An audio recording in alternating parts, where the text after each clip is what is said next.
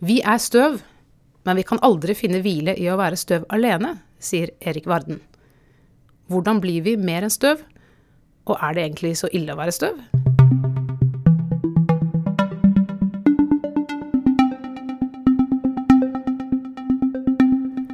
Du hører på podkasten Dokka fra vårt land. Jeg heter Åste Dokka, og dagens gjest er Erik Varden. Erik er katolsk biskop i Trondheim stift, men også munk og forfatter. Velkommen, Erik. Hjertelig takk. Du, du har jo vært trappistmunk i nesten 20 år, Mm -hmm. og så har du plutselig blitt spytta ut i verden igjen, for for bare noen uker siden så ble du vigsla, eller via, til biskop i, i Trondheim. Mm -hmm. um, jeg tipper at for tre år siden så trodde du at du visste hva du skulle gjøre resten av livet. Det som er med et kloster, er at man har jo innenfor klausur innenfor klosterhaven um, sin egen kirkegård. Så jeg hadde egentlig blikket der på min plass. Du har sett deg ut ja. siste hvilested? Uh, men, uh, men, nå som du jo ikke lenger lever i en kommunitet Du er fortsatt munk, det kan ikke de som hører på se, men du er kledd i munkeklær. Mm -hmm. og du, du, oppfatter deg fortsatt som munk? Jeg gjør det, og de, altså de løfter jeg avla, evige løfter, som vi sier, er løfter som jeg er forpliktet til å holde. Så jeg, min livsførsel sånn fra dag til dag blir jo noe annerledes. Og livsrytmen er annerledes. Men jeg håper jo, jeg lever i det fromme håp, om at jeg har inderliggjort nok av karismaen til å holde det gående. Um, også i denne nye settingen. Og jeg vil jo også holde nær kontakt med ja, både min egen kommunitet og med ordenen og, og, med det monastiske liv. Som jeg tror virkelig uten sammenheng med det at jeg selv er munk, jeg er overbevist om at jeg har en veldig viktig funksjon i kirken og i samfunnet. Og, og hvis du eh, skal sammenligne hvordan eh, dagen din pleide å starte, eh, og hvordan den starter nå, ja. hva, hva, er det likt? altså Den pleide å starte med en ganske brutal klokke som ringte kvart over tre uh, om natten. Den ringer ikke um, der hvor jeg bor nå. Uh, og jeg begynner litt senere. Men altså, dagen i kloster i vår orden begynner tidlig. Så har vi vigilien halv fire, som var en times tid. Og så en periode på et par timer til bønn og til egen lesning. Så lødes klokken syv, etterfulgt av messe. Og så har vi vanlig arbeid. Vi prøver jo å leve i vårt ansikts sved. Uh, igjen noe bønn midt på dagen, og middag og oppvask og middagshvil og mer bønn. Og så en annen arbeidsøkt. Vesper halv seks, kveldsmat, stillhet og stille bønn, kompletorium halv åtte, og så til sengs. Ja, Men sånn kan du ikke gjøre det lenger? Det blir ikke helt sånn. Men holder du uh, disse bønnene gjennom dagen? Ja, altså enhver en katolsk prest er jo forpliktet til å be tidebønnene. Og det er ikke bare en forpliktelse, men det er en stor berikelse, det er en gave. Så ja da, det holder jeg på. Um, du skulle jo egentlig blitt uh, biskop tidligere ja. enn du har blitt. Kan du fortelle oss hvorfor det tok litt ekstra tid? Ja, altså jeg, jeg ble jo utnevnt den 1. oktober i fjor, 2019. Og jeg kan vel si at det, den utnevnelsen var på meg et slags eksistensielt sjokk. Um, uh, som Du hadde ikke søkt? Nei, jeg hadde ikke søkt. men jeg, altså jeg, jeg, mottok den utnevnelsen i tro. Uh, men jeg var allerede veldig sliten. Det hadde jeg vært meg bevisst lenge. Vi hadde hatt noen digre arbeidsprosjekter i klosteret. Vi hadde bygd om mye av huset. Vi hadde grunnlagt et bryggeri. Uh, så jeg visste at jeg bar på en, en stor tretthet. Og, og, da tenkte jeg litt optimistisk at hvis jeg bare får et par uker nå hvor jeg kan sove åtte timer om natten, så går det bra. Men uh, da sa kroppen ganske klart fra at her um, trengtes det mer. Så jeg har fått en, uh, ja, en sabbatstid egentlig, nå på flere måneder, som har vært helt storartet. Og en, en, nødvendig periode for min indre omstilling, og som også har gjort veldig godt for helsa. Ja, Hvis man blir sykemeldt som, som munk, hva, hva, hva slags plikter er det man ikke lenger skal gå inn i? Som, altså Begrepet sykemeldt det, det, det, det, bruker vi ikke så ofte i klostervesenet. Men og, og, og klosterlivet er jo uh, velbalansert. Så, så, lenge man er i stand til å beholde den balansen, så er det et veldig sunt liv og et, og, og et liv som man, man, man, blomstrer i.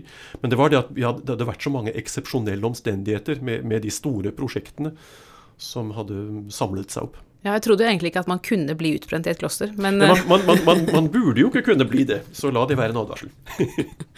Du, Erik, du har skrevet en bok, 'The Shattering of Loneliness', som kom på norsk i år, med tittelen 'Lengsel er mitt vesen'. Mm -hmm. Du åpner boka med å skrive om ydmykhet.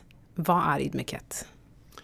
Ydmykhet ja, Ordet på norsk, på, på, de fleste sånne moderne språk, eh, har, tror jeg det er sant å si, en, en, negativ klang. Det å si om et menneske at det er ydmykt, det er ikke nødvendigvis et kompliment. Er i det? Ja. Ja. Mm. Mm. ja. Um, fordi jeg tror vi så lett tenker på ydmykhet som falsk ydmykhet. Um, I vår monastiske språkform og litteratur så er det et vesentlig begrep, også i det bibelske ordforråd. Og der, Det jeg forsøker å gjøre i boken, det er å gå inn på hva det egentlig betyr. Um, det å være homilis på latin, eh, substantivet er homilitas, det er et ord som har forbindelse med homos, som står for jorden. Mm. Så en kan si det på godt norsk at å være ydmyk i bokstavelig forstand, det er å være jordnær. Eller enda bedre å ha bena godt plantet på jorden. Så det er å være rotfestet i det jeg faktisk er, og å komme til sannhet og akseptere sannheten om meg selv. Og integrere den. Og det i vår monastiske livsform og spiritualitet er en vesentlig utfordring. Altså det er for ethvert menneske og for enhver kristen, men det er noe som munker og nonner burde være litt spesialister i. Å gå inn i seg selv og se hva som faktisk er der, og fremlegge det som faktisk er der for Guds miskunn, og la Gud virke i det for å kunne vise i konkrete tilfeller, i konkrete liv, at Eh, hans kraft fullbyrdes og viser seg på sitt vakreste i vår svakhet. Vi bruker jo um, det begrepet ydmykhet, som du, som du også sier. Uh, det er ikke bare et positivt ord mm -hmm. uh, i norsk uh, dagligtale. Og, og, jeg tenker jo med en gang kan det gå for langt? Kan man bli for ydmyk? Kan man bli selvutslettende? Ja, men jeg tror der er det viktig å, å skille kategorisk. For å være ydmyk i den forstand som jeg har forsøkt å definere, det er ikke å være selvutslettende, men det er tvert imot å være selvbejaende. Ja, fordi man faktisk erkjenner hva man egentlig er. Ja, det er det ja. det går på. Ja, altså, Ydmykhet har med sannhet å gjøre. Men eh, en av de forfatterne som du siterer, jeg tror det er Benedikt, han eh, snakker om å nå toppen av ydmykhetens stige. Mm ser, du en, eh, ser, du et paradoks der? At, ja, men, men ja. Det, det, det, er jo det er et paradoks, fordi, og det, det syvende kapittelet i regelen, som heter om ydmykheten, er fabelaktig konstruert. For det er en stige, og en stige per definisjon er oppadrettet. Mm -hmm. Men det er en stige som man klatrer oppover ved å gå nedover, sier Benedikt. Så det, det, det er ved å komme nærmere jorden at man hever seg mot himmelen. Eh, og akkurat dette spennet mellom himmelen og det jordvendte, eh, det gir seg kanskje Det gir, er kanskje en gjenklang i to andre begreper som du bruker mye i denne boka, nemlig lengsel mm -hmm. og begjær. Ja. Eh, som du sier, så er jo mennesket støv, men vi lengter. Eh, hva, hva, er forskjellen mellom lengselen og begjæret? Altså, her berører vi et tema som, eh, som jeg syns er veldig spennende, og som er viktig for meg. Og hvis jeg får lov til å være litt pedantisk, så dreier det seg der også om å klargjøre begreper. Fordi i, i våre vestlige språk, som vi, vi, stammer, vi har stort sett glemt det nå, så vi stammer jo fra en latinsk kultur. Um, og på latin så er det ett ord um, som betegner både det jeg kaller begjær, og det jeg kaller lengsel. Og det er begrepet desiderium som vi finner på engelsk som 'desire', på fransk som 'désir'. Um, og jeg tror det har ført til For i antikken og i middelalderen så var man veldig opptatt av å, å kategorisere to forskjellige betydninger, det, det ordet.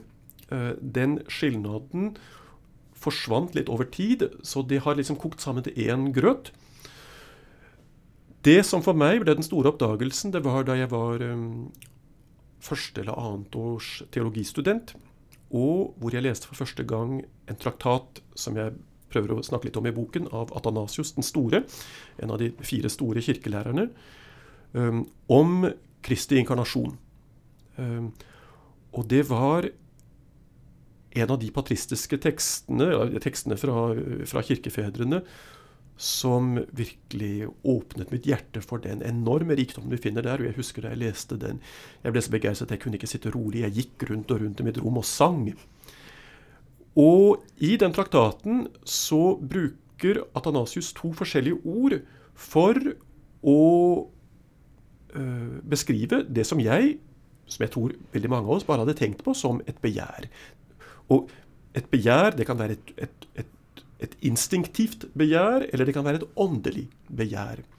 Men det er Atanasius som snakker og skriver så overbevisende om det der med lengsel, og han bruker et særlig gresk ord for det.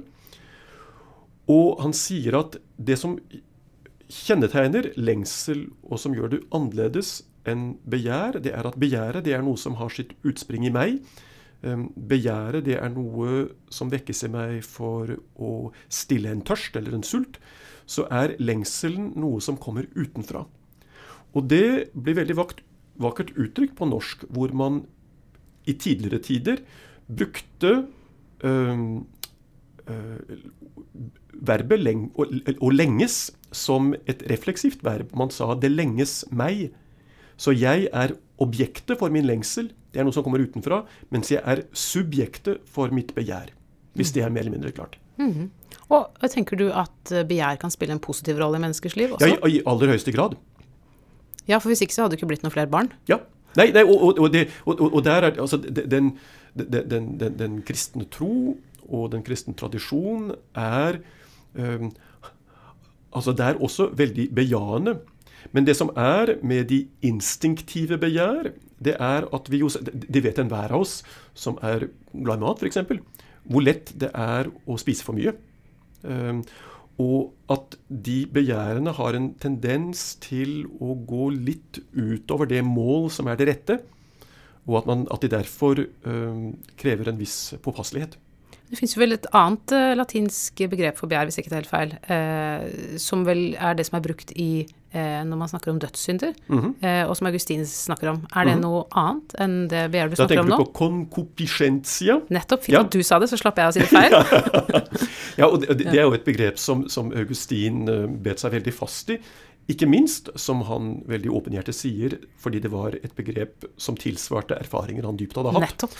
Og konkopisjentia der, sånn som Augustin definerte det, og sånn som det er blitt sittende i teologisk ordforråd, det har en langt mer entydig negativ um, betydning. Det, det, har mer det, det, har liksom med et slags avhengighetsregister å gjøre, nesten. Eh, når, eh, når, jeg leser boka di, så tenker jeg at eh, det er menneskelivet, slik som, slik som, det er representert i denne boka, mm -hmm. bærer preg av kamp mm -hmm. og eh, livskamp. At det er Du skriver om flere ulike skjebner i denne boka her, eh, med mennesker som eh, strever etter å overvinne noe i seg selv, eller et eller annet eh, Altså et torturoffer. en munk som må, må, finne sin egen vei.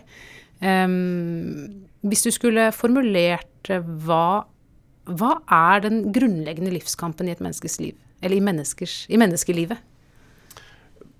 Før jeg besvarer det, bare for å si at de, de, når jeg i boken refererer til litt ekstreme eksempler, så er det for å tydeliggjøre og synliggjøre noe som jeg ser på som egentlig veldig allment.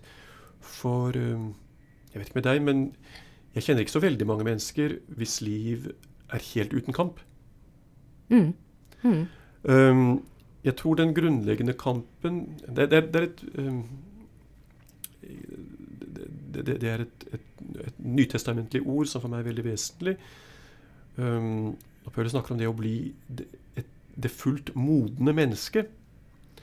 Um, det er den grunnleggende kampen for enhver av oss. Og når du tenker på alle de jordbrukslignelsene fra Bibelen som snakker så, um, så grafisk om hva som skjer med frøet som sås, og som dør for at spiren um, skal kunne vokse, så er det for frøet en brutal erfaring.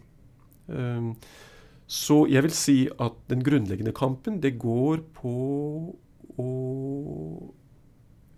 ja, på å modnes og vokse og velge å fortsette å modnes og vokse også når det gjør vondt.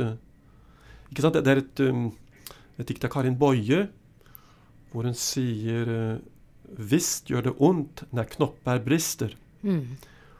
Og ja, det savner vi i våre liv, ikke sant? Og da er det lett å Man kan føle seg fristet til å legge knoppene i fryseren heller enn til å la dem springe ut med den smerten det, det innebærer. Men det gjør jo da eventuelt at verden får flere, færre blomster. Og når du eh, skriver om Altså, eh, det er lett å tenke dele opp eh, tilværelsen i, et, i livet og kristenlivet. Men du mhm. skriver om det som én ting. Ja, og det tror jeg er helt vesentlig. Men det, det, det, det ja. fins bare ett liv. Det fins bare ett liv, ja. helt enig. Og, og, og heldigvis, kan vi si. Og hvis man ser på en teolog som Ireneus f.eks., så er jo det er jo bare én modning, det er bare én vekst. Mm. Og det er jo hele mm. altså det, det, organiske menneskeveksten. Det å bli voksen og moden osv. Og, og til syvende og sist at, at, at det, det, og det, er det som, som, som, gir, som, gir, den kristne mening til det hele. At det ja. blir da livet i Kristus.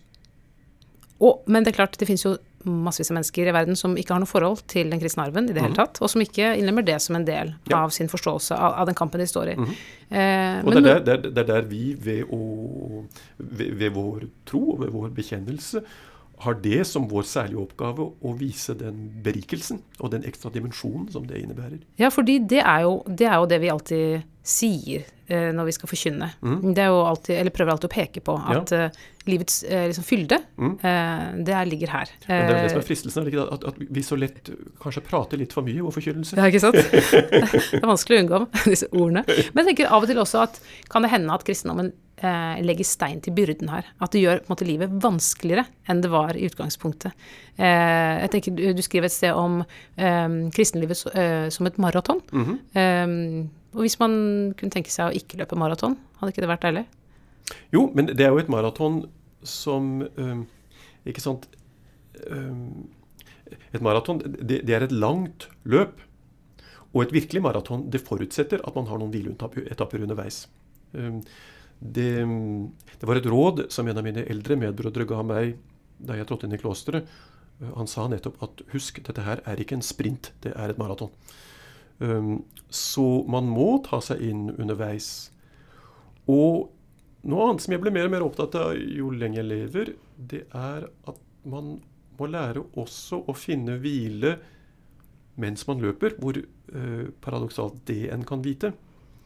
Jeg bodde noen år i Roma, i Sant Anselmo, som er det benediktinske universitetet på Aventinen. Og den som har vært i Roma, kjenner det ved fasaden og gårdsplassen foran. Men Aventinen er jo en høyde, og bak Sant Anselmo så går det en kjempebratt bakke ned til Via Marmorata, som er en veldig veldig travel uh, gate. Um, og munkene de har en nøkkel til en bakdør. Så hvis man skal ned og handle, så går man bakveien heller enn, eh, heller enn den veien rundt. Og det kunne være litt av et strev å komme opp der. Og midt i den bakken så er det en eller annen barmhjertig munk som har konstruert en benk som er grønnmalt, og hvor det står påmalt med røde bokstaver In labore requies. Ja. Så hvil i arbeidet. Det er, et sitat fra en av pinsesekvensene. Men jeg tror det er um, en veldig viktig innsikt uh, å, å, lære seg det. For hvis, hvis, vi bare løper, så utmatter vi oss. Uh, men Kristus sier også til, sine disipler at uh, tre nå til side og hvil litt. Mm. Kom til meg, ikke, dere som han, trenger. Han sier ikke 'hvil ja. veldig lenge', men han Nei. sier 'hvil litt'. Og hva, hvis du skulle beskrive aktiviteten i dette maratonet uh, uten, uten, å bruke bildet, mm. altså hva er det dette arbeidet, denne veksten, eller det vi kjemper for uh, underveis, hva, hva, består det av? Altså det består jo hvis, Jeg får ikke lov til å bruke bilder. Um, jo da, du skal Du er litt streng, da. Nei da, ok, du kan få lov å bruke bilder. Hvis vi frigjør oss fra akkurat dette bildet. Ja, ja. Um, men hvis vi går tilbake til det bildet vi snakket om i sted, om det frøet og spiren. Uh, så går maraton og arbeider på å leve et liv som er fruktbart. Um, fordi at vi, at, at vi, er kalt til å bære frukt. Igjen, Det er et sånt grunnleggende nytestamentlig tema. Og det vil fortone seg annerledes for hver og en av oss. Eh, når vi snakker om, Nå snakker vi om menneskets kamp. vår livskamp, vårt kristenliv osv. Men så kan vi også snakke om Kristus mm. i dette. for hvordan, hva, du, hva er det som skjer for menneskeheten på korset? Hvordan ville du formulere det? Hva er det som vinnes? Det som skjer på korset, det er det som Johannes døperen antyder første gang han ser Kristus. ikke sant? Um, og det er, det er, så slående um, når han peker på ham og sier til sine, altså Johannes' disipler, Se Guds lam som bærer verdens synder. Liturgisk så sier vi 'se Guds lam som tar bort verdens synder'. Og da kan man få inntrykk av at lammet står liksom og sorterer. Um, men det som er vesentlig, det er at lammet tar syndene bort nettopp ved å bære dem. Så på korset så er det Kristus, altså den menneskevordne Gud, som tar på seg alt det som tynger oss, og som han bar som en reell tyngde. Um, og omfavner det med sin kjærlighet, som er en kjærlighet like til det siste, til enden, og som bærer det gjennom dødsriket og inn i oppstandelsen. Hvilket gjør det mulig at vi også i våre byrder kan kjenne den lettheten som kommer ved å vite at det er en som bærer den med oss. Så i eh, maratonet blir det ikke borte, men det skjer noe med hvordan vi løper det? Og, og det er jo det at vi ikke løper alene. Det er det som er viktig. Eh, hvordan kobler mennesket seg på eh, den frelsen som gis i Kristus? Det er jo først og fremst øh, ved å vise seg ved, ved, å oppleve en slags nysgjerrighet. Øh, og spørre seg hm, hva er dette her? Uh, som, akkurat som det skjer i evangeliet. ikke sant? Og For det igjen, det er noe som gjør veldig inntrykk på meg, at uh, Kristus i evangeliene aldri pålegger seg eller sin lære noen. Han uh, sier han har å si, viser det han har å vise, og så går han videre. Og så er det opp til de menneskene som har bivånt det han har sagt eller gjort, å bestemme om de vil følge etter eller ikke. Og hans innbydelse er 'kom og se'. Ja, og jeg opplever at du, du um, er veldig nær dette måte, menneskelige initiativet i, uh, i, det du skriver, bl.a. når du uh, skriver at vi finner ingen ro før vi gjenoppretter et nærende forhold til det logos som alene gir oss klarhet om hvem vi er. Altså at er at vi, vi må gjenopprette relasjonen. Ja, for, for, men det, det, det, er det som er så storartet. ikke sant? Og det, det, er både det gedigne og det litt skumle ved å være menneske. At vi har den fenomenale friheten til å si ja eller nei til det tilbud som er oss gitt. Du er jo eh, munk og prest og har viet livet ditt til å tjene kirka. Til å være. Ja, til å tjene Kristus, først og fremst. Ja, ikke sant? Til å tjene Kristus i kirken. Fint at du sa det. og, og, som vi var innom i stad, så skriver du om ganske sånne ekstreme skjebner i den mm. boka for å nettopp synliggjøre noen ting som hefter ved alle menneskeliv. Ja. Um, men hva, hvis man skal tenke um, på vanlige folk, da, som ikke på en måte er profesjonelle kristne eller, mm. eller har opplevd ekstreme ting. Um, hva, er, hva er kallet for oss? Og for å hekte på noe som du skriver, du skriver at vi må leve annerledes nå. Uh, hva er dette annerledeslivet? Et ord Det er først og fremst å, å åpne seg for det at det jeg gjennomlever nå, i min sånn dagligdagse og ofte litt kanskje litt grå tilværelse. Og være åpen for at det har en betydning som overgår uh, det som jeg fatter her og nå. Og at det er del av en større sammenheng. Del av en lengre reise, hvis du vil, eller del av et større byggverk. Eller del for å komme tilbake til det frø og kimen og alt det der, del av et, av et tre eller en plante i vekst. Og, og bevege seg bevisst mot mot den finaliteten, dvs. Si mot det målet uh, som, jeg, som, jeg, selv ikke, med mine sanser eller med min erfaring her og nå, kanskje begriper. Men å våge mitt liv på den premiss at det går mot et mål, og at det er et mål som er meningsbærende og vakkert. Og, og, og, og som er gledesbærende.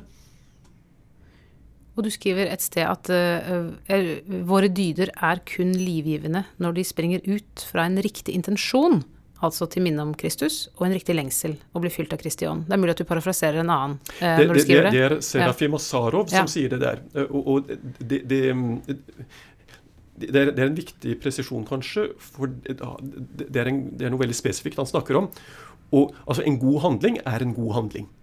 Um, men det han snakker om, det er nettopp livet i Kristus. Um, og han sier det som er vesentlig der, det er, det er å motta og leve ved Den hellige ånd. Og huske at uh, Kristus, som han sier, ikke har uh, latt oss igjen uh, alene. men at han har gitt oss Den hellige ånd som et bærende og et forvandlende nærvær. Og det er i den forstand Serafim insisterer på det at en en god handling eller en dyd for å være kristifiserende, for å gjøre meg mer Kristus-lik, forutsetter at jeg mottar nåden til å utføre den i Den hellige ånd, og at jeg bejaer åndens virke i, i, i mitt liv. Ja, Du skriver et annet sted også at um, et eller annet, Nå har jeg ikke helt presist uh, sitatet, men uh, at mange kristne ikke vet hva det vil si å motta ånden eller leve i ånden eller noe i den. Igjen, det, det, det, det, siterer jeg Serafim Asarov, men, men det, han sier, er at veldig mange kristne vet ikke det uhyre potensialet vi bærer på, det som er oss gitt. Um, det, den, den, det kallet som vi har, og den muligheten vi har til virkelig å bli og, og fremstå i Guds bilde. Å bli Kristus-lik. Og hvordan kommer vi fra en tilstand hvor vi ikke vet hva det er, til å forstå hva det er, eller til å ta imot det, ja, det som det er? Det, er jo nettopp den glemselen der, som, som er et, et, et, en grunntematikk i boken, som har med, um, altså med synd å gjøre. For uh, synd det er ikke først og fremst, det er ikke en slags basill, uh, som vi jo ofte nesten forutsetter at det er. Men det er et sår vi bærer på vårt vesen. Og det er glemsel nettopp av den herlighet som tilsvarer vår opprinnelse. Det var også noe som kirkefedrene var fryktelig opptatt av, ikke minst i den østlige tradisjonen, den syriske tradisjonen. Det at mennesket er skapt i herlighet, med en herlighetskappe, ville en, en, en person som Efrem Syreren si. Og ved, at, ved det tillitsbruddet som skjer når mennesket retter seg mot Guds vilje og velger å konstruere seg selv ut fra egne premisser og bilder, heller enn ut fra Guds premisser og bilder, så er det noe som såres i forholdet mellom menneske og skaper. Og så mister han herlighetskapen, og så glemmer han, glemmer mennesket, hva det er han har vært, og hva han er kalt til å forbli, til, til å bli igjen. Og det som Kristus gjør ved å komme som menneske, det er å, det er å minne oss om den enorme arv som er tilbudt oss, og som han gir oss muligheten til uh, igjen å, å, tre inn i og aktivisere. Og jeg tror det er et uh, sentralt poeng både hos Athanasius og Ireneus og andre um, kirkefedre at uh, i inkarnasjonen så blir Gud menneske, mm -hmm. slik at vi kan bli som ham. Altså ja, det er, ja, det, det, altså, i, i, den traktaten at han, ja. altså, han, han, sier jo det direkte, og det, er så, det er så svært at det kan nesten virke provoserende, men at han sier Gud ble menneskeliggjort for at vi skal få bli guddommeliggjort. Bokstavelig talt. Er det en spenning her? Jeg tenker, altså, Er det ikke nettopp mennesker vi er skapt til å være? Altså, jo, men, men, ja. men, men, det er nettopp det. Det er, det er, det som er det gudigende, ikke sant? At det, det, er, ingen, det er ingen motstridighet der. At, at det, å være fullt ut menneske, det er å bestå som guddommelig i, det å være, være, skapt ved Guds bilde og i Guds hensikt, og være skapt for Guds bilde. Vi har snakket mye om eh, nå eh, tradisjonell teologi, eller hva skal vi si, gammel, gamle skrifter. Mm -hmm. eh, ting som har blitt skrevet for mange år siden. Eh, og eh, Den katolske kirke er jo vel blant eh, de kirkesamfunnene som er mest opptatt av tradisjonen, og, og henter mange skatter derfra. Eh, og jeg leste i boka di en eller annen formulering om at eh, tradisjon er åpenbaring som utfolder seg i tid. Mm. Eh, kjenner du deg igjen omtrent? Var det ja, noe sånt? Sånn ja. du kan få lov å si det med egne ord, altså. Eh, men eh, så tenker jeg sånn Ja, det, det syns jeg er kjempespennende. Det syns jeg er en av de virkelig interessante tingene med katolsk teologi, er nettopp akkurat det der. For det er en så utrolig dynamisk måte å tenke på. Mm um, og inviterende, mm ikke sant. Men så er jo det store spørsmålet når det dukker opp noe nytt, mm eller når det er en uenighet i kirka, eller mellom kirke og samfunn, hvordan, hvordan skal vi vite hva som er hva? Hvordan skal vi vite hva som er en stadig åpenbarende åpenbaring, -hmm. og hva som er noe helt annet? Det er der ikke sant, Kirkefedrene har et ord for det også. Fantastisk. og det ordet, det er diakrisis. Um, som, så vidt jeg vet, vi ikke har noe tilstrekkelig norsk uttrykk for, eller hvis du kan hjelpe meg. Men man kan si at man kan utskille uh, mellom én ting og en annen. Det, det, det er et, et bedømmelseskriterium. Um, det som er fryktelig viktig når vi snakker om tradisjon, og det er noe som uh, ikke minst innen den katolske kirke vi noen gang glemmer, det er at tradisjon ikke er først og fremst tilbakeskuende. Men det er å bære noe som kommer Som har akkumulert over tid, men det er å bære det inn i fremtiden. Ikke sant? I gammelkristen tid så var en av etappene um, for å bli opptatt i kirken uh, gjennom katekese og opplæring og sånne ting, for det var, det var for voksne mennesker. ikke sant? Det var det man kalte traditio symboli. Um, og traditio på latin det betyr rett og slett å overgi. Og det besto i at kandidaten for dåp fikk trosbekjennelsen, altså kirkens tro, opplest av biskopen. Um, så, og så ga biskopen da oppdraget litt, gå nå og lær hva dette her betyr. Um, for å forstå det og for å omsette det i handling. Og før dåpskandidaten da trer ned i dåpsvannene, så gir han den trosbekjennelsen tilbake. Uh, og resiterer den for biskopen som for å si at ja, nå har jeg mottatt dette her, og nå har jeg gjort det til mitt, for å bringe det videre. Og det er nettopp den dynamikken der som vi, vi må forbli innenfor. Så, og, og det, det, gjør, det, gjør, det fullt mulig å, å, å, betrakte det som er nytt og ukjent og uforutsigbart, uh, med åpne øyne, men også med den rikdom av innsikt som kommer både fra en lang tankemessig prosess gjennom generasjoner, og som kommer fra en lang kollektiv erfaring. Fins det liksom rom for Føler du ja, fordi, fordi, du sier jo også et annet sted at det, eh, det er ikke snakk om blind repetisjon. Det er mhm. snakk om en forankra uh, Det er noe som er forankra i oss, ikke sant. Ja. Altså, som går, går, gjennom generasjonene. Og, og, og, livet er alltid foran, ikke sant. Ja, vi, vi, mm. ja. ja ikke sant. ja. men når du da forkynner, f.eks., for eksempel, og det skal du vel gjøre mye, tenker jeg, i ditt nye virke, så er det jo ikke kun noe som du har lært Eh, og integrert, som du skal si. Du setter jo ditt eget stempel på det som mm. kommer fram. Hva er forholdet mellom eh, dine egne synspunkter og tanker og det som er eh, eh, kirkas overleverte læreinnhold, eller ja. Igjen, det, det, det, er også et spennende forhold og et, et kreativt forhold. Um, og jeg tror alt avhenger der av virkelig å ha gjort det arvede tankegods til sitt eget. Ehm, jeg tenker i den forbindelse på ehm, en fransk musikkpedagog som het Nadia Boulanger. Som selv var komponist, briljant. Men hun var lærer for en hel generasjon av nye komponister, ikke minst amerikanske som Leonard Bernstein, Aaron Copeland og mange eksperimentelle musikere fra første halvdel av forrige århundre. Og hun var kjempestreng. Og hun var veldig interessert i hva disse unge, geniale musikerne eh, bar i seg. Men hun insisterte på at de måtte lære hele den klassiske arven, og at de skulle lære den utenat. For hun sier det er kun hvis dere har gjort alt dette her til ditt eget, at dere vil ha både friheten og formspråket og disiplinen til å kunne si noe nytt. og noe som er originalt, og som virkelig har verdi. Og det tror jeg gjelder for en forkynner også. Helt til sist, Erik. Eh, din lengsel, går den noen ganger tilbake til klosteret? Ja, den gjør nok det. Men den, den ligger jo eh, igjen Altså, min, min, lengsel går jo først og fremst etter å se Guds åsyn, som Benedikt sier.